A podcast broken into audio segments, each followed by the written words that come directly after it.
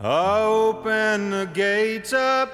Hey, Screw, did you miss me? Jimmy, I see that you found a new friend. Warden, come down here and kiss me hello, cause I'm back home in Huntsville again. Welkom bij de Prison Show, programma over delict, straf, herstel en terugkeer. Oprecht, onafhankelijk en baanbrekend. Want iedereen heeft recht van spreken en verdient erkenning voor wie hij of zij is. Met Edwin En Frans. Yes, I'm back home in Huntsville again. Zeg je Shirakoglu? Chirac Ole. Nou, dan, hoor, Chirako. O- Ole. Die G spreek ik niet uit. Oh, ja. Chirac Ole. Dan horen we gelijk hoe onze gast vandaag eh, moet worden genoemd. Eh, Ja. Welkom bij Prison Show. Zachtjes stikt de regen op mijn zolderraam. Zomer 2023. We zitten vandaag in uh, Westzaan op te nemen ehm, met een van de vele zomerse buien op ons dak. We hebben de unieke situatie dat Edwin, die altijd stoer op zijn grote fiets eh, naar alle locaties toe komt, eh, vandaag met een bus is gekomen. Met het buurtbusje. Dat was wel heel, eh, heel aandoenlijk met de vrijwilliger achter het stuur. Ja. En ja, ik was, ik ben het helemaal zat. Met de zomer helemaal. Laten we herfst maar beginnen. Maar ehm, op het moment dat dit, deze podcast online komt, ben ik lekker in Griekenland. Dus het komt allemaal goed. Oké. Ehm, welkom allen bij een nieuwe aflevering van Prison Show. We hebben de naam van de gast al gehoord, maar nog niet wat hij doet. Zou je het nog een keer willen zeggen? Ja, Toro Chirac Ole. Turu Chirac Olo. Ah, Ja. een kind kan er Nee, was doen. Dankjewel. Dankjewel. Ehm ja, hij is geboren op 17 april 1990. Eh, je bent een Nederlandse ondernemer, columnist, schrijver, vlogger, tv-persoonlijkheid. Er is een hele serie programma's gemaakt over eh, het werk van eh Hij woont en werkt in Amsterdam. Naast het werken in zijn onderneming, die heet Frisse Kater, was hij wekelijks columnist voor het Parool. Ja, en met jouw onderneming eh, verricht jij schoonmaakwerkzaamheden in extreme situaties. Bijvoorbeeld in woningen waar een overledene heel lang heeft gelegen. En soms na een natuurlijke dood, maar soms ook om het leven gekomen na een suïcide of een misdrijf.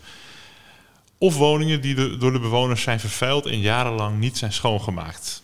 Nou, in deze podcast gaan we in gesprek over wat je precies voor werk doet en waarom je dat doet. En eh, wat zijn de gevoelens en gedachten over de overledenen en de mensen die zichzelf en hun omgeving zo extreem hebben verwaarloosd. Kortom, welkom in deze podcast. Dankjewel. Yes.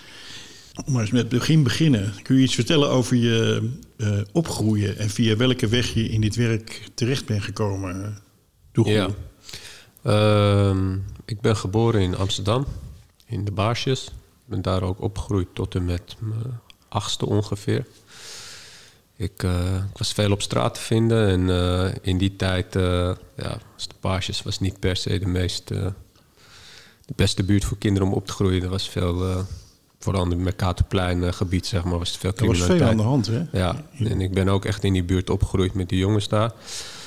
En uh, mijn moeder vond op een gegeven moment, nou, die zoon van mij die is te veel uh, buiten op straat aan het hangen. En uh, dat gaat niet de goede kant op. Althans, daar was ze bang voor.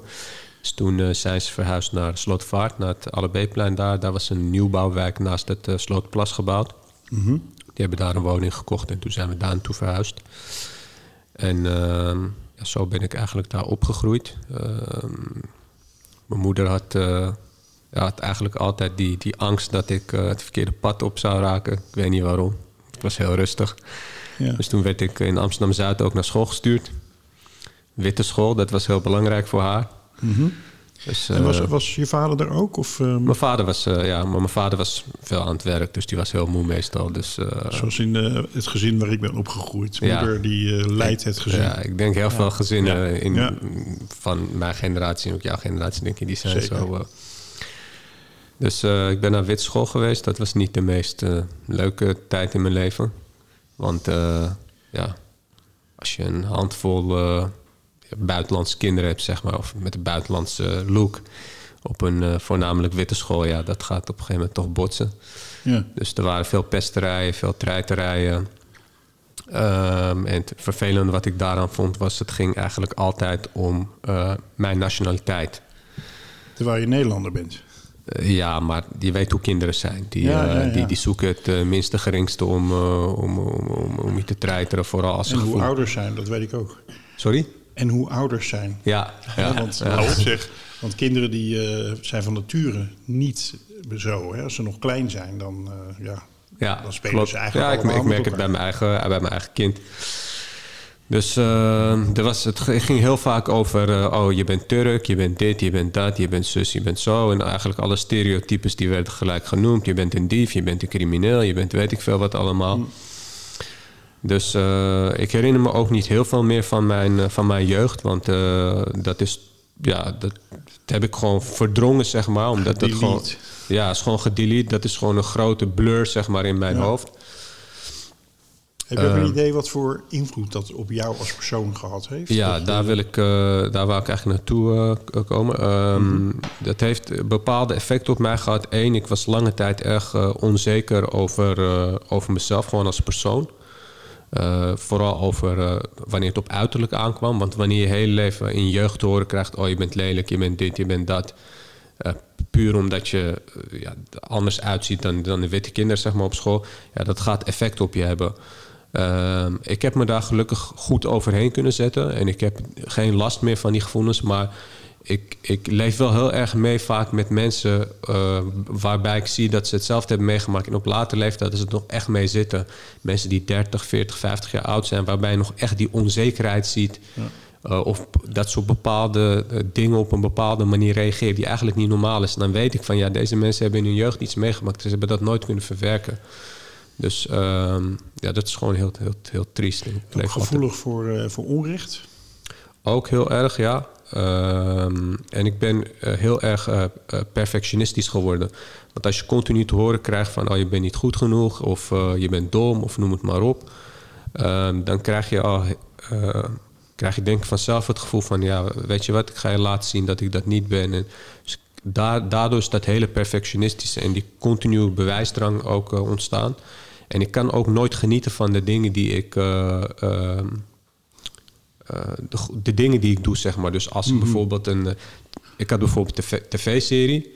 En voor heel veel mensen zou dat iets heel groot zijn. En dat zouden ze vieren. En met taart erbij. En mensen uitnodigen. Een heel event.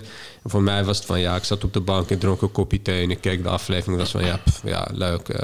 Ja, morgen weer een dag. Mm -hmm.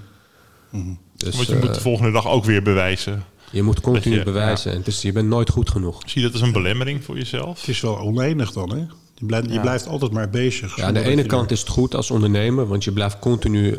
Uh, kijk, ik ben nu ongeveer bijna tien jaar ondernemer. En veel mensen zie je dan dat het op een gegeven moment inzakt. Dat ze een beetje een inkak en dat ze niet meer die drive hebben. Maar die drive blijft iedere dag continu weer bij mij uh, terugkomen. Dus ja. qua ondernemen is het wel goed, maar qua, qua persoon, zeg maar, is het niet altijd even leuk. Want je wilt toch. Ja, je denkt toch van ja, kon ik er maar meer van genieten? Kon ik toch maar meer. Uh, ja. Nou, inmiddels heb ik gelezen dat je een uh, zoontje hebt. Ja. Die is nu twee, denk ik? Of? Anderhalf. Anderhalf. Dat is ook wel een ideale gelegenheid om weer wat meer te gaan genieten van dingen. Hè? Ja, en uh, heel veel dingen die ik dus in mijn jeugd bij mij ja, anders zijn gegaan of verkeerd zijn gegaan. Of waarvan ik dacht van ja, dat hadden mijn ouders wel anders kunnen doen. Daar ben ik heel bewust juist met hem mee bezig. Dus vanaf eigenlijk dat hij al geboren is, is het, hij heet Idris, is het komt ja Idris, goed zo, je bent goed bezig jongen. Goed, ja. ik, ik pomp hem de hele tijd op. Zelfs als ik hem bijvoorbeeld in de ochtend kleding laat aantrekken, dan zet ik hem even voor de spiegel zeg ik, hij ziet er goed uit jongen, wauw. En dan zie je hem ook helemaal, wauw, wauw, wauw, weet je. Daar ben ik heel bewust mee bezig, want ik wil dat hij... Um, dat hij als een heel krachtig persoon opgroeit. En dat hij ook een heel krachtig persoon wordt. Ja. Want die, die kracht die ik heb, zeg maar, dat, dat heeft heel veel tijd, energie en uh, gekost, zeg maar, voordat ik die heb kunnen. Uh, ja, zeg je dat? Ja. Dat die is vrijgekomen. Kunnen, ja. kunnen zien bij jezelf ja. dat je daar ook naar uh, gebruik dat, van maakt. Dat vind ik jammer, kracht. want als ik op een jonge leeftijd al die, die, die, die, die kracht had kunnen gebruiken, zeg maar, denk ik dat ik nog veel meer in mijn leven had kunnen doen. Want de tijd gaat zo snel voorbij voordat je het weet. Nou, ik heb zelf ook, um, ik, ik herken een deel van jouw verhaal. Eh, wat ik wel gemerkt heb aan mezelf, en ik meen dat bij jou ook te zien, dat juist door die dingen die je meegemaakt hebt en dat gevecht wat je hebt moeten leveren, daar ben je ook wel heel sterk uitgekomen. Hè? Ja. Ik ja. bedoel, daar helpt het ook wel Ja, bij. maar dat is iets wat ik mijn hele leven al continu van mensen hoor. Je bent heel sterk, je bent heel sterk. Je bent heel sterk, dat hoor ik continu. En ja, mensen begrijpen niet. Ik had geen andere keuze. Ik moest sterk zijn. Ja. Want anders zou ik gewoon helemaal kapot gemaakt worden. Dan zou ik nu, eh, ja, zou ik misschien leven net als de mensen bij wie ik eh, over de vloer kom. Ja. Helemaal gebroken en eh, met een heel ver- vertekend en slecht zelfbeeld. Ja. Dus je hebt er natuurlijk niet zelf voor gekozen. Nee. En het zou ook raar zijn als je je eigen kind eh, dat ook zou willen laten Ja. meemaken. Ja. Dat, dat, Ja, dat, dat gaat maar er werd ook bijvoorbeeld ook nooit thuis gesproken over... ehm, weet je, dan, dan kwam ik thuis en dan was het van... ja, weet je, dit en dat gebeurt op school. En dan was het altijd zo'n beetje van... ja, weet je, ja, doe zo moeilijk en eh, ja. Hm. Want mijn ouders die kwamen van een andere generatie. Mijn vader was in Turkije opgegroeid... dus die heeft dat sowieso nooit meegemaakt... dat je wordt getreiterd om... ja, überhaupt hoe je eruit ziet. Want ja, hij was met kinderen die allemaal hetzelfde als hem eruit zagen... En mijn moeder, eh, eh, ja, die was ook in een andere tijd opgegroeid. In Nederland, toen was het allemaal ook even wat anders. Ja. Dus ehm, Ja, hier Ja. er ook wel, je hebt ook het, man-vrouw principe. Dus de man is, moet sterk zijn, die moet van zich afbijten. En ja, dat soort ja, er werd nooit gesproken thuis over emoties. Vooral niet door mijn vader. Mijn moeder die was wel heel erg van het knuffelen en liefde tonen. Maar echt over emoties praten, ja, dat, dat heb ik ook nooit gekund. Dat heeft me ook eh, pas nadat ik getrouwd ben... eh, en eh, dat mijn vrouw daar echt op bleef hameren van ja, je moet er echt over praten, je moet emotie tonen. Pas nu is het echt stukken beter geworden. Het is nog niet 100%. Maar echt jarenlang was ik eh, emoties, nee, dat werd gewoon niet. eh, Nee. ik heb dat nooit geleerd. Nee. Nee, dat heeft ook veel gevolgen, ook voor veel mensen. Hè? Die, die Ja. verwachtingen die, die er zijn van mannen. Ja. Waar wij geen van allen Ja. aan kunnen voldoen trouwens. Ja, dat is. Nee, je kunt het wel allemaal wegstoppen, heb ik ook geleerd, in een soort rugzak of in een reservoir. Maar dat is op een dag vol. Ja, maar ik, ik, ik, ik, ik heb op later leeftijd Ja. dus ook door, door mijn vrouw... mijn vrouw is juist heel emotioneel en heel veel van het praten en heel warm. En heb ik geleerd dat juist die emoties tonen op de juiste manier natuurlijk... En wel dat je weet van, nou, je kan niet alles met iedereen bespreken... want sommige mensen die willen alleen leed aanhoren om je belachelijk te maken. Want die heb je er ook veel tussen zitten. Maar ik heb van haar heel erg geleerd dat die emoties tonen is ook een kracht. Je kan er ook heel veel mee doen. Je kan ook echt bij mensen binnendringen. Je kan dingen gedaan krijgen. Eh, het toont je menselijkheid. En het is ook een, een, een ehm, zeg, karakteristiek van een, van een erg ontwikkeld en, en, en, en eh, sterk persoon. Ik ben het helemaal met je Ja. vrouw eens. Iemand die Helemaal. nooit emoties toont is geen sterk persoon. En dat was juist wat, je, wat ik meekrijg van mijn opvoeding. Je bent man, je moet sterk zijn, je, toont, je moet niet huilen. Maar dat is helemaal niet waar. Klopt. Maar je bent met de juiste vrouw getrouwd, dat Ja, hoor ik wel. zeker, eh. zeker. Ja, ik ben je heel voelt- je blij. moet elkaar Ik- ik altijd echt, aanvullen. eh, dat, eh, Ik heb echt goud gevonden in mijn vrouw. Ja, fantastisch. ja, goed. Hugo, ehm, wat houdt je werk precies in? Wil je dat nog even uitleggen? Ja, ik ben eh, in 2014 begonnen met mijn bedrijf, Friskater. De naam komt ook van wat we oorspronkelijk, eh, althans waar ik oorspronkelijk mee ben begonnen, het schoonmaken naar feesten, voornamelijk huisfeesten, in combinatie met een vers ontbijt. Vandaar ook de naam Frisse Kater. Dus we kwamen opruimen met de ontbijt. We brachten letterlijk een frisse kater. Ah, je bent- dus eigenlijk als, cateraar begonnen. Nee, nee, eh, geen keter. We waren echt een schoonmaakbedrijf, maar we brachten eh tosti mee met uh. Als een soort extra je, de- als de zeg maar, een gimmick. Dus en dat, vonden, we- dat, dat was zeg maar de unieke... ja, als je een bedrijf start in een markt die compleet verzadigd is... moet je wel met iets unieks komen. Dat was zeg maar het unieke ding. Wat, Wat wat heel- ontzettend leuk idee zeg. Ja. En ook zo eenvoudig. Als je Ja. het hoort, maar het is, bedenk het maar, is het met alle eenvoudige Ja. eh, dingen. Ja. Ik had eh, heel, hele hoge hoop toen ik ermee begon... maar eh, het is allemaal niet, eh, ja, niet zo groot geworden als ik dacht dat het kon worden. Maar goed, daar ga ik niet helemaal op in nu. Dat heb ik ongeveer twee jaar gedaan. En toen dacht ik van ja, wil ik hiermee doorgaan? En eh, het is het allemaal net niet. Ik verdien er niet genoeg mee. En eh, dit is geen toekomst, et cetera. Toen dacht ik, ja, maar ik heb al een hele goede naam opgebouwd. Friskater is bekend, eh, veel volgers online. Ik ben heel vaak in de kranten, radio, tv, et cetera. Dacht ik, weet je wat, ik ga kijken. Is, is, ik begreep al, er is een markt voor dat extreme. Want er werden steeds vaker gebeld voor dingen waarvan ik dacht... Nou, die heeft geen feestje plaatsgevonden. Maar ik zag, er is wel een vraag naar, naar dit soort schoonmaak. Toen ben ik me gaan verdiepen in het schoonmaken van, eh, van bloed en dergelijke. Ehm, en zodoende ben ik eigenlijk op crime scene cleaning gestuurd in, eh, in Amerika. En ik zag dat dat echt hele grote business is daar. Ehm, er zijn ook allerlei wetten voor. En eh, het is via de verzekeraars allemaal geregeld. Met als je wanneer je een brand of een waterschade hebt bijvoorbeeld... kan je daar ook voor een crime scene kan je gewoon je verzekeraar bellen. Toen dacht ik, weet je wat, dit bestaat nog niet echt in Nederland. Er waren een paar bedrijven die het deden... maar het was allemaal een beetje schimmig en rare websites. En eh, er was bijna niks over bekend. Dacht ik, nou, ik heb al een niche voor mezelf eh, eerder zeg maar, gemaakt. Ik heb al gecreëerd. Ik dacht, ja, waarom zou ik dat niet een tweede keer kunnen doen? Dus toen heb ik me helemaal verdiept in die wereld van crime scene cleaning. Daar ben ik wel een paar maanden mee bezig geweest. En wat ik al zei, ik heb heel erg dat perfectionistische. Dus als ik me ergens aan vastklamp, dan moet ik ook alles erover leren. Ik moet alles erover weten. Dat heb ik hier ook mee gedaan. En eh, toen ben ik, eh, na een paar maanden, ben ik uh, hiermee gestart. En ik denk dat ik binnen een paar weken de eerste opdracht had. En zodoende is dat eigenlijk steeds ja. verder gaan, gaan uitbouwen en is dat nu op het punt gekomen. Als ik er uh, even met je meedenk, dan denk ik van... degene die waarschijnlijk het eerste in dat soort situaties komen... dat zijn politie, GGD, ja. hulpverleningsinstanties. Ja, alleen eigenlijk is het vaak de politie die, die als eerste komt. Want mm-hmm. ze moeten uitsluiten dat er geen moord is of een ander misdrijf heeft plaatsgevonden. Maar de politie die mag geen commerciële bedrijven aanraden. Ja, ja. ja, ze mogen je wel inhuren, maar dan moeten hun... Een aanbesteding doen en allemaal dat soort dingen? Ja, het is, het is allemaal niet zo makkelijk. Uh, maar uh, de politie die verwijst heel veel door naar ons. Uh, ik heb toevallig morgen of overmorgen weer een opdracht staan... die via de politie is doorverwezen naar ons. Ehm, maar het is allemaal ja, onofficieel. Oké, okay. want zijn... wie, wie is dan uiteindelijk, want dat vraag ik me wel af, als er zo iemand alleen in een woning ligt, zeg maar. Mm. Wie ons inhuurt? Ja. De helft van onze klanten is particulier. Dus, dat, zijn, is dan familie of zo? Uh, dat zijn familie, uh, kunnen vrienden zijn, uh, kennissen, ehm, kunnen buren soms zijn. Ehm, ja, dat eigenlijk. En de andere helft bestaat uit allerlei organisaties. Het kan zijn politie, gemeente, zelfs tot uh, Rijksoverheidniveau, denk aan Rijkswaterstaat en dergelijke. Hm. Uh, tot en met ehm, woningcorporaties, GGD's, instellingen bijvoorbeeld, en, ehm, voor, voor psychiatrische patiënten en dergelijke. Ja. winkels, allerlei soorten winkels kunnen dat zijn. Het, het, kan ook een Albertijn zijn bijvoorbeeld, of een Jumbo, of een... ik kan het zo gek niet bedenken of we, we zijn er wel door ingehuurd of we komen er wel. Of, ja. Ja. Ja, dat kan ik me inderdaad voorstellen. Want ik zit ook terug te denken aan een aantal overlijdensgevallen die ik zelf in de gevangenis heb meegemaakt. um, en dat het nog best wel lastig was, wie, wie gaat het dan opruimen? Hè? Ja.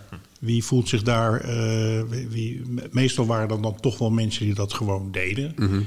Maar we lieten het niet aan, aan bijvoorbeeld de, de schoonmakers uh, die, Ja. die uh, toen. Ja.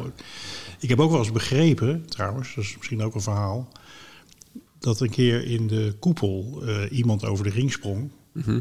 En dat uh, uh, er vervolgens gedetineerden dat hebben moeten opruimen. Ja, Van dat zie, je ook wel, ja, dat zie je inderdaad ook wel eens. En je ziet ook wel eens dat, eh, dat er situaties zijn die gewoon heel gevaarlijk zijn voor, voor mensen om op te ruimen.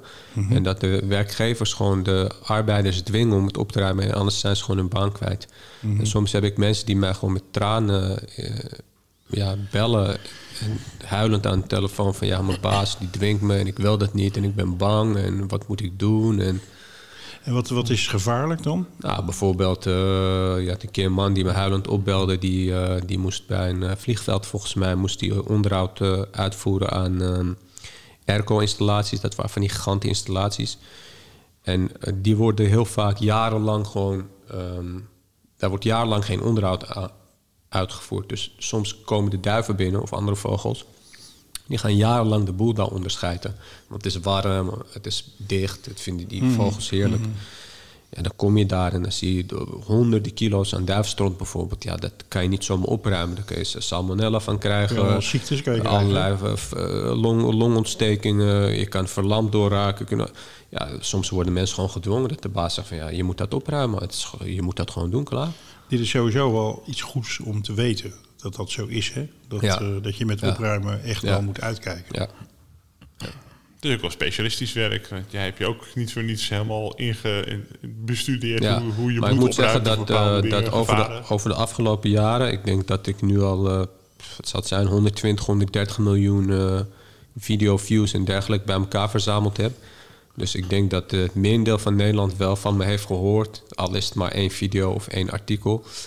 Eh, en er is veel meer bewustwording gekomen bij mensen, vergeleken met bijvoorbeeld vijf jaar geleden, over de dingen die wij doen. En dat mensen al vanzelf bellen en zeggen van... "Nou, dit en dit is gebeurd. Eh, we willen ons personeel dit niet laten opruimen. Kan je ons helpen? En soms zijn er dingen waarbij ik bij mezelf denk van... ja, het is zo weinig, het is zo klein. Moest je ons echt hiervoor bellen? Maar dat, dan zie je toch dat er toch een bepaalde bewustwording is ontstaan... dat zoiets hebben van... nee, we willen dit niet aan ons personeel overlaten. We hebben hier genoeg geld voor. We willen hun geen trauma laten oplopen, wat dan ook. We huren gewoon iemand in. Want het gebeurt één keer vaak in een mensenleven. En we willen het gewoon goed laten doen en dan is het ook klaar. Precies, want voor, voor heel veel mensen die zijn ook heel bang voor dit soort situaties. Ja. Dan, dan kan er misschien niet zoveel Ja. op te ruimen zijn. Ja. Maar eh, zeker als er iemand overleden is Ja. en zo, daar hebben mensen Ja. vaak een. eh, Ja, ja en soms zijn de omstandigheden ook heel verschrikkelijk. We hadden bijvoorbeeld van het weekend een opdracht... waarbij een eh, mevrouw van 67 eh, zelfmoord had gepleegd.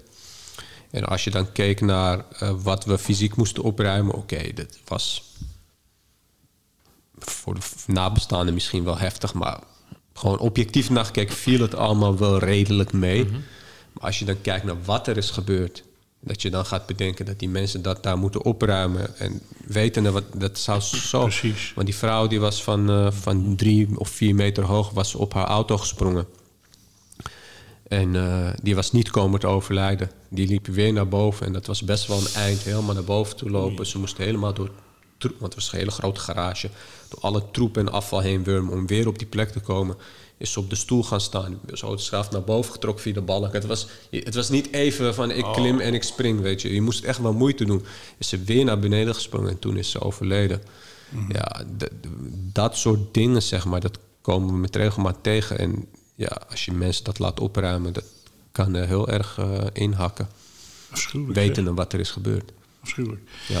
Ehm, ja, ik had een vraag in gedachten van waarom doe je dit werk? Maar dat heb je eigenlijk al uitgelegd. Want ja, je Ja. zag gewoon een gat in de markt. En er was een ontwikkeling die... eh, Ja, je- dat, dat is waar het mee begon. Want ehm, je wilt iets opbouwen. Eh, je wilt ook je eigen huisje, je eigen auto. Je wilt ook trouwen. Je wilt ook voor je gezin kunnen zorgen. Dus eerst was het voornamelijk financieel. Want ik dacht, nou, hier valt meer geld te verdienen dan met wat ik doe. Maar op een gegeven moment... Ik zeg altijd, als je hoofd alleen maar vol is met eh, geld verdienen... dan is er geen ruimte om over andere dingen na te denken. Dus op een gegeven moment toen het geld ja, binnenkwam eh, kwam stromen... eh, was er meer ruimte om na te denken van... ja, waarom doe ik dit? Wil ik hiermee doorgaan? Op welke manier, et cetera? Want dit werk kan je niet blijven doen als je, alleen maar, als je dit alleen maar voor het geld doet. Want dan breek je gewoon. Toen zag ik op een gegeven moment van... ik heb een bepaald talent om dit op te ruimen... maar ook ik heb een bepaald talent om bij de mensen waar we komen... echt binnen te dringen. Mhm. En dat ik hun eh, echt gerust kan stellen. Dat ik hun op een bepaalde manier kan helpen dat alleen ik dat kan. En dat ik daardoor ook de deur kan openen voor andere hulpverlening om daar naar binnen te komen en die man of vrouw met andere dingen te helpen. En echt hun leven weer op, op, op, op, op, eh, op de rit te krijgen en echt een frisse start te geven. Oh, dat is. Dan heb je het dus nu over mensen die Nog een hele verwaarloosde Ja, omgeving maar eh, ook zitten. mensen waarbij bijvoorbeeld familielid is overleden. Ik kan hun ook op zo'n manier ontzorgen... dat wanneer mensen me bellen, zijn ze soms helemaal in paniek, in tranen. Ze weten niet meer wat ze moeten doen. En we regelen dat op zo'n manier dat je gewoon de, de, de- de stress en de zorgen... die zie je gewoon zo verdwijnen bij die mensen. Nou, eh, nou zie ik jou praten. En ehm, ik denk dat ik daar wel een bepaald gevoel bij heb.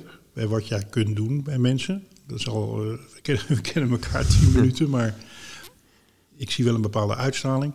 Maar heb jij zelf, kun je daar woorden aan geven? Wat, wat er precies tussen jou en mensen gebeurt als die deur open gaat? Hoe maak jij dat contact? Ja, wat, mijn, wat een van mijn collega's altijd tegen klanten zegt... hij zegt, "W- w- wij werken met onze handen en voeten... maar wij werken vooral met ons hart. En ik denk dat dat hetgeen is wat mensen eh, vanaf het eerste klantcontact met ons... dat ze zoiets hebben van dit zijn mensen die met hun hart werken. En dat stelt ze zo gerust Dat zoiets zijn van ja, ik, ik weet zeker dat we in goede handen zijn bij deze mensen en dat het gewoon goed geregeld gaat worden. En is dat puur intuïtie? Zien ze het aan je ogen of aan je houding? Ik Of- denk de uitstraling, hoe we praten, hoe we met ze omgaan. Maar ook bijvoorbeeld hoe ik de telefoon opneem. Ik neem nooit de telefoon op met eh Fris KTBV eh, of wat dan ook. Ik zeg altijd, goeiedag met Toerol, hoe kan ik u helpen? Ja, ja, ja, ja. ja. Dus het zijn al die hele kleine dingen, de woorden die we kiezen... en, en hoe we met iemand omgaan, dat, dat gewoon het... eh, Zorgvuldigheid, Ja. eh, professionaliteit. Je staat ook Ja. rust uit, merk ik. Ja, Je- je- veel rust, veel Ja. controle. Ja, veel controle. En ook eh, als klanten vragen hebben of dingen, dat we het ook echt kunnen beantwoorden. Niet dat ze, ah ja, we gaan het gewoon even schoonmaken. Nee, als hij hele complexe vragen heeft, kan ik het helemaal in detail ook aan hem uitleggen. Dat hij echt weet van, er komt hier een vakman dit werk uitvoeren... en niet een of andere bobo die eh, even met een dweil eroverheen gaat. Kan ik het zo zeggen dat, ehm, dat wat je uitstraalt is dat je, is, is dat je veilig bent, dat je te vertrouwen bent? Ja, zekerheid. Eh, ja, zekerheid, dat je, dat, je, dat je gecontroleerd bezig bent. hè? Ja, Ehm, en dat je dat niet alleen uitstraalt, maar dat dat ook klopt. Ja, en, en ook, en ook eh, wat klanten wel heel fijn vinden, is, eh, dat krijg ik ook wel als terugkoppeling, is dat we zakelijk zijn. Dus eh, we vragen best wel serieuze bedragen voor wat we doen. En daar winnen we ook geen doekjes van mee. We komen niet achteraf met rare fratsen of oh, even geld erbij of dit of dat. Nee, we zijn heel duidelijk aan de voorkant al, dit gaat het kosten, dit kunnen we doen. Heel zakelijk, maar tegelijkertijd ook menselijk. En het heeft me best wel wat tijd gekost om die juiste combinatie daartussen te vinden. Want het is best wel moeilijk, zakelijk en menselijk tegelijk zijn. Heel moeilijk, hè? Ja, het is heel, echt heel Ik vind moeilijk. het altijd moeilijk. Wat Ja. moet ik nou vragen? Ja, Weet je wel? Ja. En het is ook moeilijk wanneer iemand je belt en ja, ik heb echt hulp nodig en er is dit gebeurd. En dan moet je, ja, je moet er geld voor vragen, want je bent een bedrijf. Ja. Dus, eh, maar uiteindelijk heb ik daar toch een goede balans tussen kunnen vinden. Dat vinden mensen ook, eh, ook heel fijn. Dat we toch warm mensen- zijn, maar toch afstandelijk op een bepaalde manier. Komt het ook voor dat mensen eh, wel hulp nodig hebben, maar het, eigenlijk, maar het gewoon niet kunnen betalen? Ja, voorheen ehm, eh, hielp ik die mensen kosteloos, maar daar ben ik mee gestopt. Omdat ik ben gewoon niet in staat om goed in te schatten of deze mensen de waarheid vertellen of niet. En iedere keer zag ik gewoon dat ik eh, ja, belazerd werd. Dat is gewoon met een verhaal aankomen wat gewoon niet klopt of dat het toch heel anders is.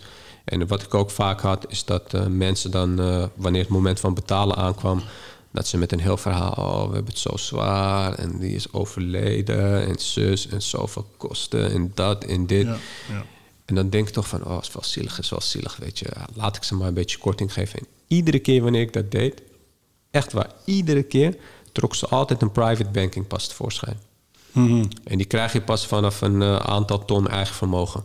Ja. Sommigen vanaf een half miljoen eigen vermogen. Dat ik bij mezelf denk van ja, je hebt zoveel geld, maar dan, dus ik kan, ik kan dat helemaal niet inschatten. Dus wat ik heb gedaan, ik heb gewoon gezegd nee, ik doe dat niet meer.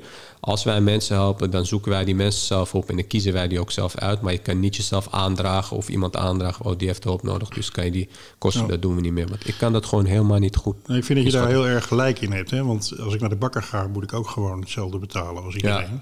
Ja. En jij bent inderdaad een bedrijf.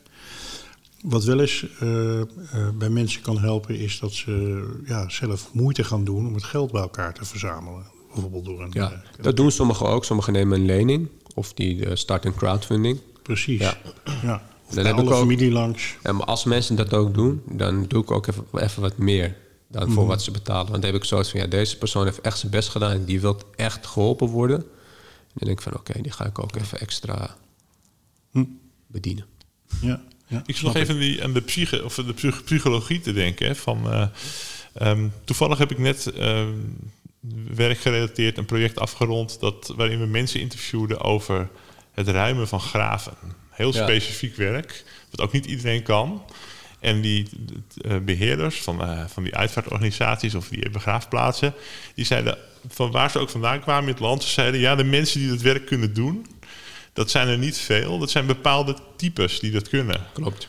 Ehm, herken je daar iets in met jullie werk? En wat voor types zijn dat dan? Wat, waar moet je over beschikken? Of, of, welke, of welke dingen moet je hebben om eigenlijk dit werk te kunnen doen? Ja, Ja, maar een goeie, want, dat was, want het geconfronteerd worden met, met ontlasting, met poep, met bloed, met allemaal dat soort dingen. Ja. Met stank ook. ja. Ik denk uh, sowieso gewoon aan de voorkant, zeg maar, voor de voorselectie, wat belangrijk is, is dat je sterk bent. Fysiek, maar ook mentaal. Want uh, als je mentaal niet sterk bent, dan zak je fysiek ook helemaal in. Ja. Dat, dat, dat, mm. Daar vergissen ja, mensen die denken van, oh, ik ben fysiek heel sterk. Maar als je die mentale kracht niet hebt, kan je die fysieke kracht ook niet. Je, je, kan geen kracht putten uit fysiek, zeg maar dan. Ja. ja. Um, dat is gewoon puur voor de voorselectie, zeg maar. Mm -hmm. um, en daarna draait het voornamelijk om hoe groot is je hart. Ik denk dat dat uh, het meest belangrijk is. Dat je echt dat, die, die, die, uh, dat gevoel hebt van ik wil anderen helpen, ik wil anderen ontzorgen en ik wil echt iets betekenen voor de wereld ja. en voor de maatschappij. Ja. Hmm. ja, wat ik ook wel. Ik heb zelf in mijn loopbaan als in de gevangenis heb ik, uh, heb ik een aantal keren bijvoorbeeld overledene mensen die suïcide gepleegd mm -hmm. hadden, bijvoorbeeld losgemaakt mm -hmm. of neergelegd. Mm -hmm.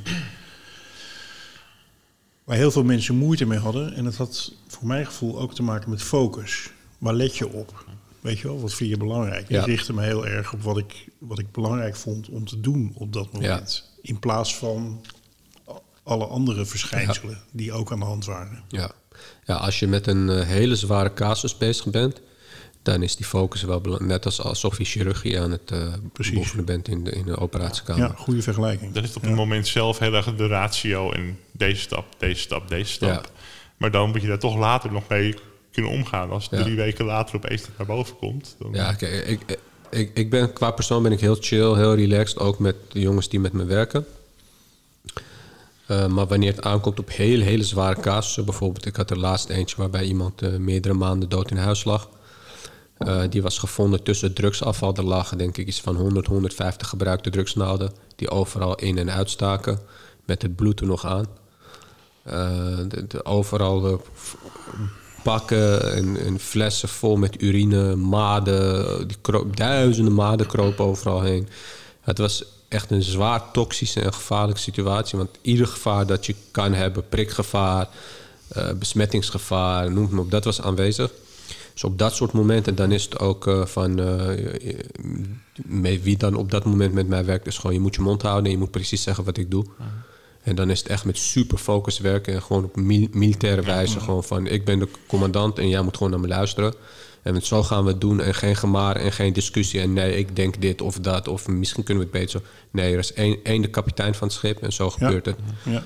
En dan achteraf ga je natuurlijk wel uh, ja. even debriefen. En, uh, Want als iemand bij jou komt werken, hoe weet je dan, of hoe probeer je dan in te schatten of diegene dat aan kan?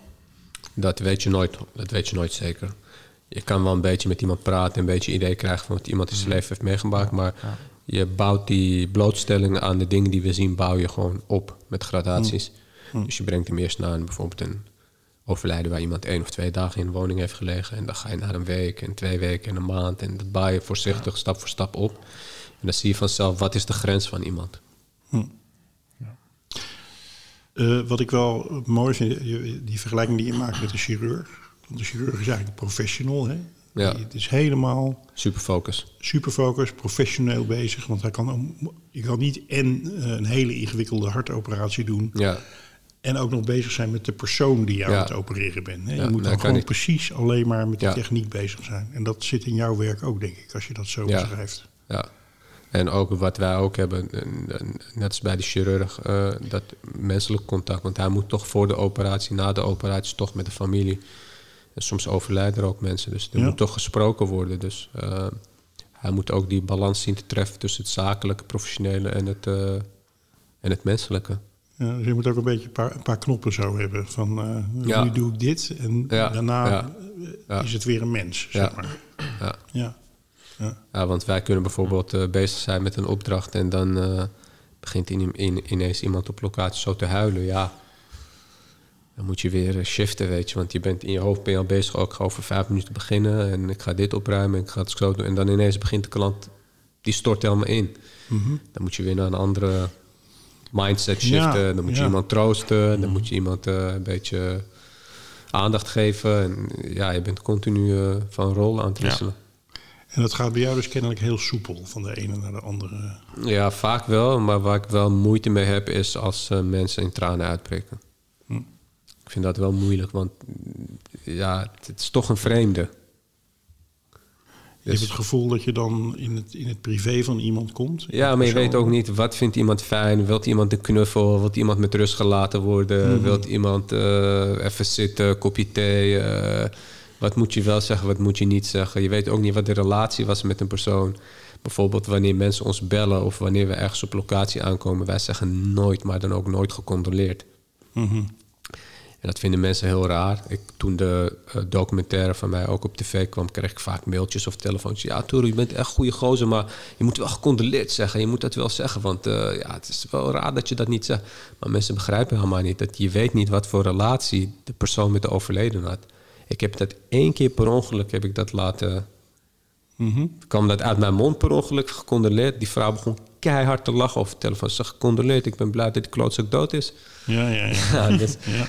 En dan- dat maakt het ook moeilijk iedere keer. weer een voordeel bij een nadeel, ja. Je hebt met allerlei emoties te maken, maar je weet niet wat, wat is de band tussen de overleden en de persoon die, eh, ja. die, daar, die daar staat. Ja, is het eh, wat, wat het bij mij oproept, is dat ik denk van oké, het is een, het, je kent de mensen niet, het zijn vreemde mensen in een hele heftige situatie. Ja. Dus eh, je kan heel moeilijk beoordelen wat nou gepast is Ja. voor die persoon. Ja. Dat weet je eigenlijk Ja. niet. Is het zo dat je eigenlijk niet, zo, niet veel meer kan doen of moet doen dan gewoon heel betrokken aanwezig zijn? Eh, Ja, je moet gewoon echt de aandacht tonen. En, en- Aandacht, en, ja. en tonen dat je daar bent met de beste bedoelingen en hun wilt helpen. En je moet ook niet te lang eh, blijven hangen in dat emotionele. Want de- dan, dan, dan ben je gewoon een uur daar met die mensen alleen maar aan het praten. Dus je moet heel, heel kort, heel zakelijk, maar toch heel menselijk vertellen wat ze willen horen. En ze eventjes dat gevoel geven van, nou, van warmte. En dan moet je gelijk door. Als je te lang blijft hangen in, die, in dat gevoel van warmte, dan blijven mensen doorgaan. Ja. En je bent daar ook voor iets anders. Je bent daar om het... Nou, maar afgezien daarvan, stel je voor, Ja. je bent één uur lang naar iemand aan het luisteren die aan het huilen is en alle depressieve dingen die de persoon heeft meegemaakt. En dan moet je aan het werk. Ja, dan, dan ga je niet lekker werken. Nee, ook. Nee. Hey, waar ik ook wel in geïnteresseerd ben, hè? je vertelt het over mensen die een week of twee weken of tot en met maanden of een jaar of Ja, eigenlijk volkomen aan hun lot overgelaten ergens liggen. ja, Eh, en dan eh, ja, een verschrikkelijke eh, puinhoop. En mensen die jarenlang hun woning vervuilen. En dan, dan tref je eigenlijk ook een volkomen geëscaleerde situatie Ja. aan. Ik, ik vind dat eigenlijk wel verschrikkelijk om te horen dat wij als samenleving zo. dat er dus mensen zijn die we zo. Ik bedoel, ze doen het zelf. Hè? Dat is een beetje wat iedereen zegt. Iedereen is zelf verantwoordelijk en zo. Dus eh, maar aan de andere kant, wat, wat jammer dat wij daar niet op een andere manier op reageren als samenleving. Dat het kan gebeuren. ja. Ja, klopt. En eh, ik denk door alles wat ik zelf in mijn leven heb meegemaakt, eh, dat ik die mensen ook heel goed begrijp. Want wat, wat mensen vaak niet begrijpen is ze kijken, ze zien de vervuiling of ze zien de zelfdoding of de poging daartoe of het onopgemerkt overlijden. En ze denken van, oh ja, weet je, dit was vast een raar persoon of een gek persoon of wat dan ook. Of Dat zou mij nooit overkomen. Maar mensen hebben helemaal geen benul van hoeveel mensen er op straat iedere dag rondlopen. Met allerlei trauma's, allerlei problemen, allerlei dingen die ze hebben meegemaakt. En ja, het leven gaat door. Ze moeten door, maar ze hebben het zo zwaar. Er zijn heel veel mensen die het heel zwaar hebben in het leven. En wat ik zie bij de mensen waarbij ik kom, die, die, die, die kunnen op een gegeven moment gewoon die last niet meer tillen. En, en, en dan escaleert het. Ja. Maar mensen snappen niet. Er zijn heel veel mensen die die last dragen. En het kan echt letterlijk in ieder overkomen. Dat je het op een gegeven moment niet meer kunt. Hè? Dat mensen ook Ja. niet, niet meer het voor elkaar krijgen. Er, er, er- er zijn heel veel mensen bij wie ik ben eh, langs geweest... die nog leven of die zijn overleden... die een last droegen uit hun jeugd. Dat kan zijn dat ze zijn misbruikt. Dat kan zijn dat ze eh, een enorm gevoel van verraad hebben ervaren... van hun familie. Eh, het kan zijn dat ze fysiek en emotioneel mishandeld zijn... Ehm, eh, pesterijen. Het kunnen heel veel dingen zijn die zijn gebeurd.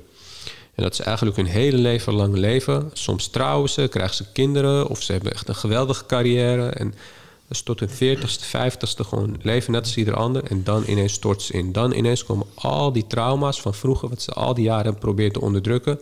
Ze kunnen die druk, het is net een dam die gewoon op ontplof staat en dan poef, ontploft het ineens raken ze aan de drugs, eh, woningvervuiling, eh, drankverslaving, eh, eh, poging tot zelfmoord. de- echt de gekste dingen gebeuren er. En mensen denken van, oh ja, ja maar wat is, hoe kan dit, hoe kan dit? Maar mensen snappen, want dit is al jaren gaande bij zo iemand. En we, we, we hebben steeds minder oog voor elkaar, zeg maar. Dus ook wanneer je... Wat ik heel kwalijk vind in Nederland bijvoorbeeld... is wanneer je een gesprek met iemand buiten voert... het kan bijna nooit een diepgaand gesprek zijn. Het moet altijd over koets en kalfjes en gezellig. En wanneer over serieuze dingen wat praat... Ah, doe normaal, doe normaal, doe gezellig, doe gezellig. Het is een beetje een eh, sfeer die we in Nederland hebben gecreëerd. Het gaat altijd goed. Eh, hoe, ga, hoe is het met je? Ja, goed. Ja, goed, ja, gewoon slap geouwe hoeren, weet je wel. En dan krijgt niemand ooit de, het gevoel van... oh, ik kan deze persoon vertrouwen, ik kan met deze persoon praten... ik kan bij deze persoon mijn ei kwijt. Ja, iedereen kropt alles maar op. En uiteindelijk ja, krijg je dan een maatschappij... waarin honderdduizenden mensen hun woning vervuilen... en pogingen tot zelfdoding en onopgemerkte overlijdens... en noem het maar op. Ja, wat jij, eh, wat jij zegt, eh, vind ik een heel belangrijke opmerking. Namelijk dat er gewoon ontzettend veel mensen zijn die eh, met een zware last rondlopen. En eh, ja, ik herken dat heel erg. Blijkt ook wel uit de cijfers trouwens. Ja. Als je kijkt naar Ja. eh, het geweld wat er gebeurt. En, Ja, maar en als, je- als je ook kijkt naar hoeveel mensen aan antidepressiva zitten... bijvoorbeeld, ja.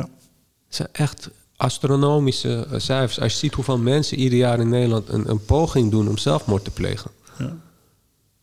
Nou, ik moet eerst zeggen, ik heb er wel een, een neus voor, zeg maar. Dus ik, ik, ik praat veel met mensen, ook bij mij in de buurt, in het, in het mooie Westzaan.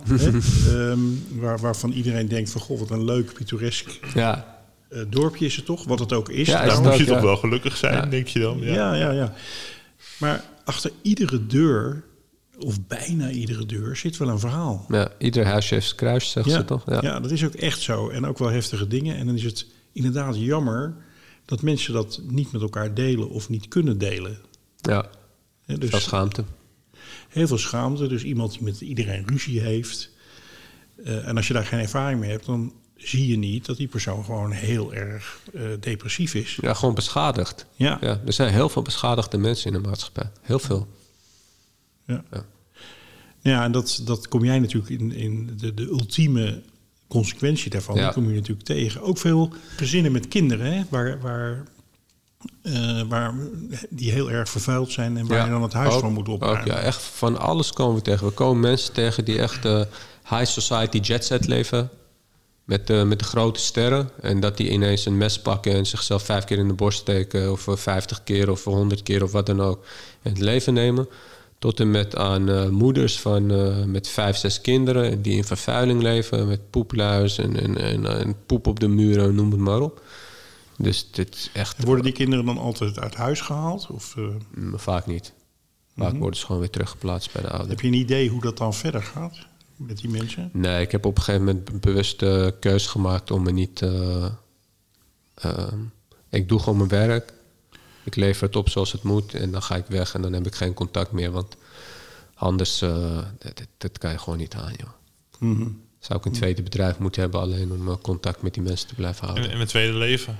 Ja, Om dat allemaal ja, nog twintig levens. Ja. Ja. Ja, ja, dan moet je eigenlijk de, de chef worden van alle hulp, eh, eh, hulpverleningsinstellingen Ja. van Amsterdam en Ja. omstreken. Ja. Dus ik, ik ben ook heel duidelijk naar klant toe. Ik zeg, ik help jou op de manier waarop ik jou kan helpen. En ik open de deur voor andere hulpverleners om bij jou langs te komen. Maar als ik klaar ben, ben ik ook klaar. En dan gaan andere mensen jou verder helpen. Maar als je zo'n situatie bijvoorbeeld, hè, eh, eh, iemand belt jou, gewoon een, een casus, iemand belt jou, een, een, een moeder en oma van een gezin. En die zegt van, goh, het is zo'n puinhoop bij Marietje. Eh, ik wil jou inhuren om de boel schoon te maken. En ik heb ook al geregeld met mijn dochter dat je dat, je dat mag doen. En ik betaal. Als je dan in zo'n gezin komt, hè, dan ga je schoonmaken. En ehm, je zegt van, goh, ik kom daar binnen, ik, ik, ik praat met die mensen, ik maak het contact. En ik bereid ook de weg voor, voor andere instanties om er iets mee te kunnen. Hoe, hoe doe je dat dan?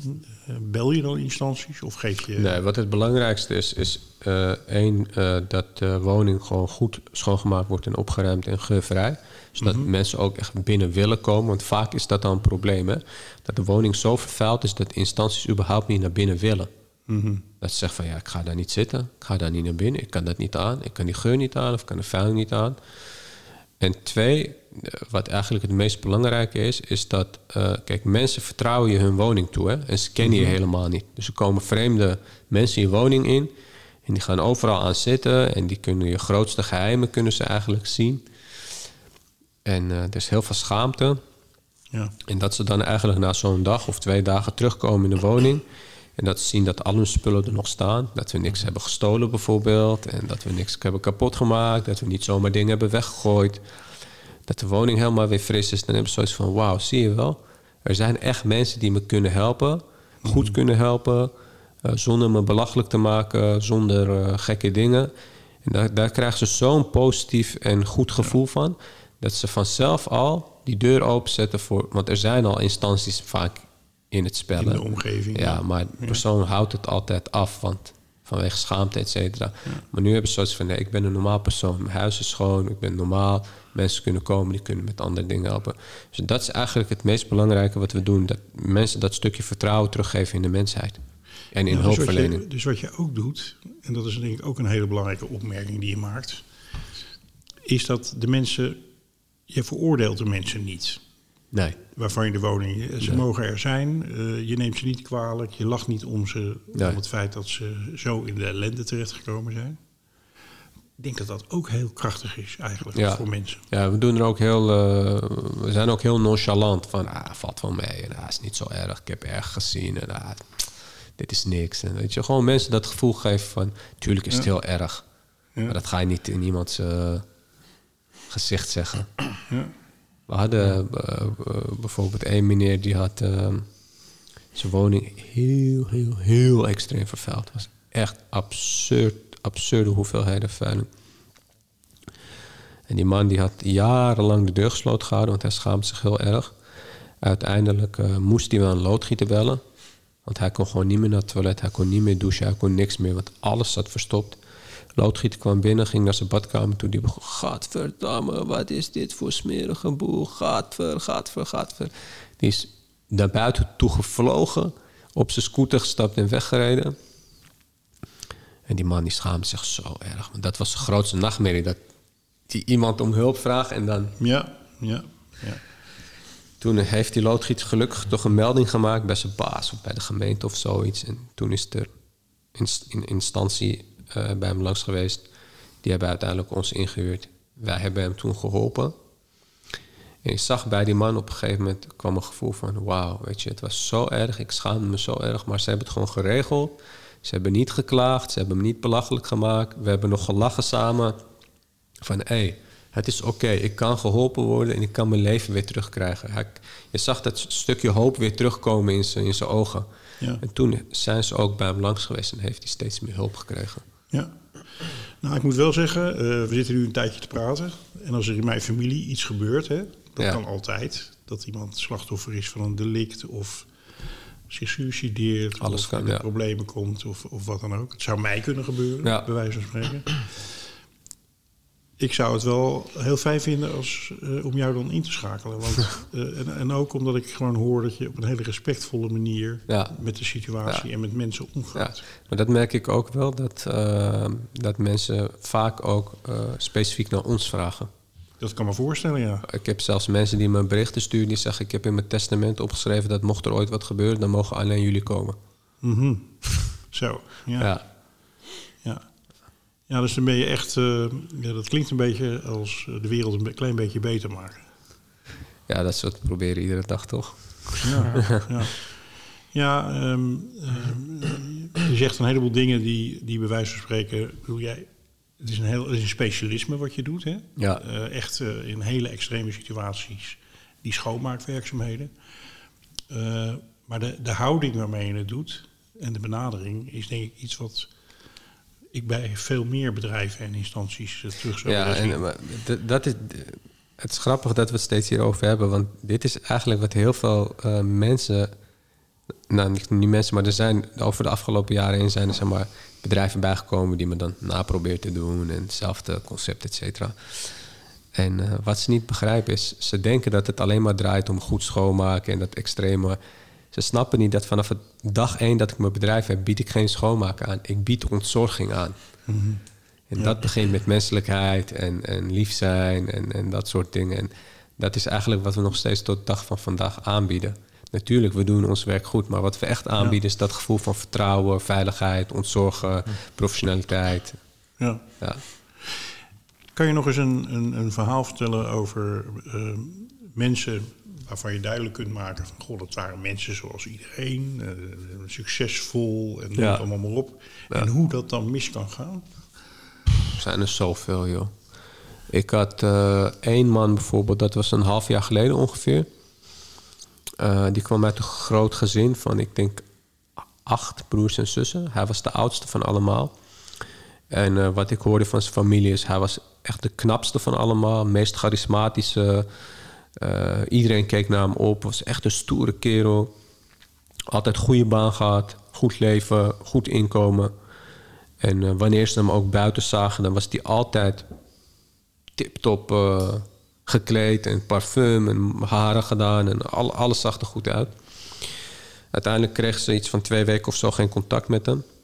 En dan zijn ze toch maar bij zijn woning langs geweest. Hij deed weer niet open, politie erbij gehaald. Hebben ze hem daar eh, dood in de woning aangetroffen. Hij had een overdosis genomen van crystal meth. Hij had ook eh, allemaal brieven achtergelaten naar ieder familielid. En foto's erbij van zijn kinderen, van zijn ex-vrouw, van zijn broers, zus, et cetera. En hij had in de hoofdbrief, zeg maar, die was naar zijn moeder gericht. Had hij allemaal eh, ja, verschrikkelijke dingen opgeschreven. Want hij had zijn hele leven had hij dat trauma van de mishandeling die zijn moeder hem. Ja, zijn moeder had hem heel zwaar mishandeld gedurende de jeugd, fysiek en eh, mentaal. En dan zie je dat zo iemand, kan gewoon je collega zijn, die is. Ja. Niemand wist ook dat hij zo leefde, want zijn woning, oh ja, dat ook nog. Zijn woning was extreem vervuild, kaal beton, hij had geen vloeren, hij sliep op een heel dun, lullig matrasje op in de woonkamer. Allemaal poepen, vet, pis overal, dat was heel smerig. Ze hadden helemaal geen weet van hoe hij leefde, dat hij met al deze problemen zat. Hij heeft er een einde aan gemaakt. En ja, iedereen was shock. Niemand kon geloven dat dit, eh, dat dit deze persoon kon overkomen. Eh, je hebt eh, mensen die liefdesverdriet bijvoorbeeld. Ik had een, was een Turkse jongen, nog een jonge jongen. Hij was iets van 20 jaar oud. Had, had een relatie met een meisje. Hij was stapel verliefd op haar, stapel gek. De relatie ging uit. Hij wou niemand anders. Nee, zoon, zijn genoeg vrouwen. Ik ga nog een relatie krijgen. Ik ga nog kinderen krijgen. Maak je niet druk. Komt goed, komt goed. Nee, nee, nee. Ik wil alleen haar. Heeft hij tien jaar lang heeft hij gewoon in een zware depressie gezeten. Woning vervuild. Alleen omdat het uit was. Zijn relatie uit was gegaan. Nou, dat kan ook iedereen overkomen. Ja. Ehm, en daar kon hij dus kennelijk niet mee omgaan. Met, daar kon je, eh, eh, heel veel mensen die hun baan verliezen, maak ik ook mee, die jarenlang bij hetzelfde bedrijf hebben gewerkt, eh, verliezen hun baan, verliezen daarmee eigenlijk eh, hun existentie. Hun Want, eh, hun, hun zijn gewoon hun baan. Hun sociale leven is hun baan. Eh, hun, hun eigen waarde is gekoppeld aan hun baan, aan hun werk. Ja. Ja, dan zie je dat iemand zijn- werk verliest. Ja, Die, die, die, die, die kan daar zo slecht tegen dat eh, ehm, eh, zelfmoord, eh, woningvervuiling, verslaving. Ik heb mensen gehad die, die, die tegen mij zeiden: ik dronk eh, een, biertje, een biertje per week. En dat vond ik al smerig, maar ik dronk het gewoon op de vrijdagmiddagborrel, want de collega's dronken en ik wou erbij horen. Maar ik, wou, ik verloor mijn baan, ik ben zwaar alcoholist geworden. Gewoon door de depressie, door continu thuis zitten. Ehm, ik- sinds corona, sinds COVID, hebben we heel veel mensen gehad die eh, in dit soort situaties. Architecten, ingenieurs, advocaten, eh, artsen. Echt mensen waarvan je zou denken: van ja, dat kan ik me nooit voorstellen dat zoiets zou gebeuren. Ja. We hadden een architect, die had gewoon goed leven, goede baan, alles erop en eraan. COVID kwam. Ehm, hij moest thuiswerken, dus zijn netwerk viel weg. Hij had nog wel zijn baan, maar vanuit huis. Begon zijn woning te vervuilen. We hebben één 10 kub container alleen al gevuld met pizzadozen. En dan nog twee of drie containers met ander afval. Hij was iets van, wat was het? Iets van eind 30. Ja. Nog een jonge, jonge man. Ja, dan zie je dus dat het een, een wankel evenwicht is waar we ons in Ja, het, het kan echt iedereen overkomen. En dat is denk ik wat ook veel meer mensen zijn gaan beseffen door alle artikelen en beelden en et cetera, wat ik over de jaren heen heb, eh, heb lopen delen. Dat het echt letterlijk iedereen kan overkomen. Ja. Er hoeft maar, een, eh, hoeft maar iets te gebeuren en, en je kan in die situatie belanden. Ja, wat ik, wat ik mensen vaak adviseer, dat is om gewoon eens in gesprek te gaan met mensen waar je normaal gesproken niet mee in gesprek gaat. Ja. Mensen die, eh, die alleen zijn, die, eh, eh, die een soort uitstraling hebben. Van, Ja. dat je erom neiging hebt om eromheen te lopen. Ja. Mensen die verslaafd zijn, Ja, dakloos zijn. ja, Ehm, blijf eens een tijdje in de omgeving van zo iemand. En luister eens, dan komt vanzelf een keer dat verhaal. ja, klopt. En dan, ehm, dan, dan ga je ook echt begrijpen hoe, dat, dat, dat het allemaal niet zomaar is. Nee. Kijk, ik, ik zal wel eerlijk zijn wat betreft woningvervuiling, dat, dat er zitten ook wel echt viespeuken tussen. Mensen die gewoon echt vies zijn, waar niet specifiek iets is gebeurd, die zijn gewoon vies.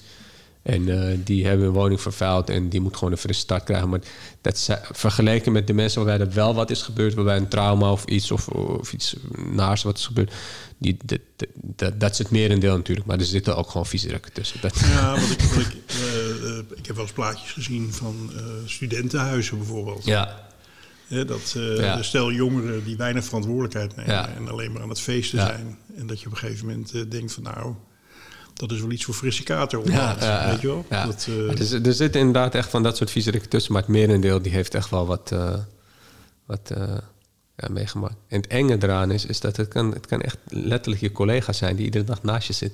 Je hebt helemaal geen weet.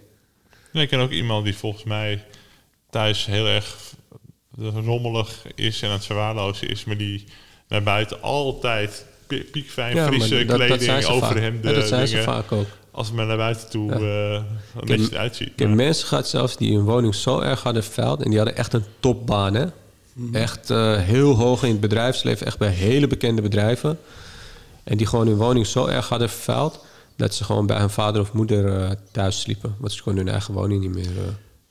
Ja, ik heb als, eh, dat is misschien wel ook wel aardig in dit kader. Als gevangenisdirecteur hadden we natuurlijk eh, ja, in die inrichtingen er werken iets van 600 mensen. Mhm.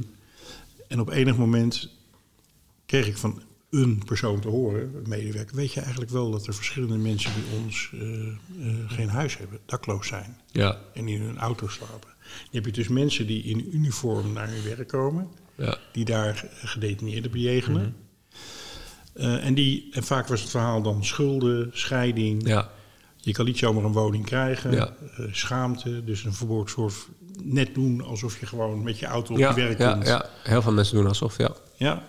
En ehm, ehm, ja, ik was toen heel erg verbijsterd. Dat dat, dat, dat, hoe kan je dat in godsnaam volhouden, dacht ik. Hè? Om op die manier te Ja. leven. Maar dat, ik kan me, als je erbij stilstaat, dan kan je je ook wel voorstellen dat dat gebeurt. Hè? Dat, eh, dat mensen in zo'n situatie komen. Want zeker na een scheiding, dan... eh, daar komen mensen vaak helemaal niet goed uit. Mentaal niet en Ja. ook materieel niet. ja. Zie ik bij Dus- klanten ook vaak na een scheiding dat het eh, soms helemaal mis kan gaan. Ja, ja. Ja. Dus er is een hele eh, werkelijkheid tussen ons in, zeg maar, die, die, die ja, zich afspeelt in onze Ja. directe omgeving, waar we eigenlijk geen weet van hebben. Ik heb trouwens, dat is wel grappig dat je nu over eh, de- vroeger eh, over werknemers zo begint. Ik heb soms ook bedrijven, dat vind ik altijd wel heel, heel mooi om te zien. Dat ze erachter komen dat een eh, personeelslid bijvoorbeeld eh, in een vervuilde woning leeft en zichzelf heel erg schaamt. Dat er toch uiteindelijk dan hulp wordt gevraagd. Of dat bijvoorbeeld een personeelslid dat er iets ernstigs is gebeurd, bijvoorbeeld het overlijden van een moeder of, of iets, weet je wel. Dat zo'n werkgever dan zegt van, weet je wat, eh, je hebt altijd zo goed bij ons gewerkt en we waarderen je zo erg. We gaan je gewoon helpen. En dat is gewoon alles bekostigen. Ja. Nou, dat is misschien ook wel iets, ik, ik, zou er zelfs bijna een oproep van willen maken. In de zin van, ehm, als mensen in zo'n situatie zitten, dan kan het een hele krachtige interventie zijn om eh, jou in te schakelen. Ja, dus eh, door familie, door een bedrijf Ja. of wat dan ook. Om iemand weer even net dat setje te geven wat hij nodig heeft. Ja. Je ziet ook wel eens bij mensen waarbij ik kom dan dat die eh, zo lang in een, in, een, in een diep dal zitten. Van, want ze worden letterlijk gegijzeld door hun eigen woning. Door Ja. al het afval. Dat ze gewoon niet door kunnen gaan met hun leven. Want als je in vervuiling leeft, je hebt nergens zin in. Je hebt geen zin om te sporten, je hebt geen zin om eh, buiten contact te hebben met mensen, je hebt geen zin om hobby's eh, weer op te pakken. Of eh, ook qua carrière en werk. Ja, je, je doet gewoon je werk en je gaat naar huis. Want ja, er is geen drive om, om iets van je leven te maken, zeg maar. Want je bent elke dag in een gijzelingssituatie. En dan zie je dat wanneer je die mensen helpt, dat ze dan soms na een paar weken of een paar maanden een, een berichtje of een e-mail sturen en zeggen van... Turo, dankjewel. Ik, ik heb mijn leven weer kunnen oppakken. Ik ben weer begonnen met yoga. Ik ben weer begonnen met fitnessen. Ik, eh, ik heb een andere baan gekregen. Ik heb dit, ik heb dat. Ik heb weer contact met mijn familie. Of dat mensen zeggen van... ja, ik heb tien jaar lang geen familie bij me over de vloer Nee, maar je kunnen... durft niemand uit te nodigen. Hij zegt, ik heb voor het, la voor het eerst weer een lange tijd een etentje bij me thuis gehad. Het was zo gezellig, zo leuk, zo geweldig. Ja. Het kan ook heel symbolisch zijn, hè? dat dat niet opruimen is niet eh, dingen uit het verleden willen, eh, willen oprakelen, omdat je die dan terugvindt als je jouw woning opruimt. Of het is echt een soort molensteen die om je been kan hangen, Ja, ehm, die je al helemaal blokkeert. Ja. En dat als je het wel opruimt, hè, zeg ook wel eens een. een eh, je moet een schoon bureau hebben om frisse ideeën weer te kunnen hebben als je gaat werken bijvoorbeeld, of in een schone, opgeruimde omgeving. Dat is wel echt, eh, daar zit echt wel een verband tussen. dat is tussen echt waar. psyche en dat. eh, ja, dat is echt waar. Je ziet echt wanneer het eenmaal is opgeruimd bij mensen... dat ze ook heel anders gaan leven. En, eh, En als het dan niet zo extreem is, dan zeg ik er ook maar even bij. eh, en je echt de frisse kater moet gaan bellen.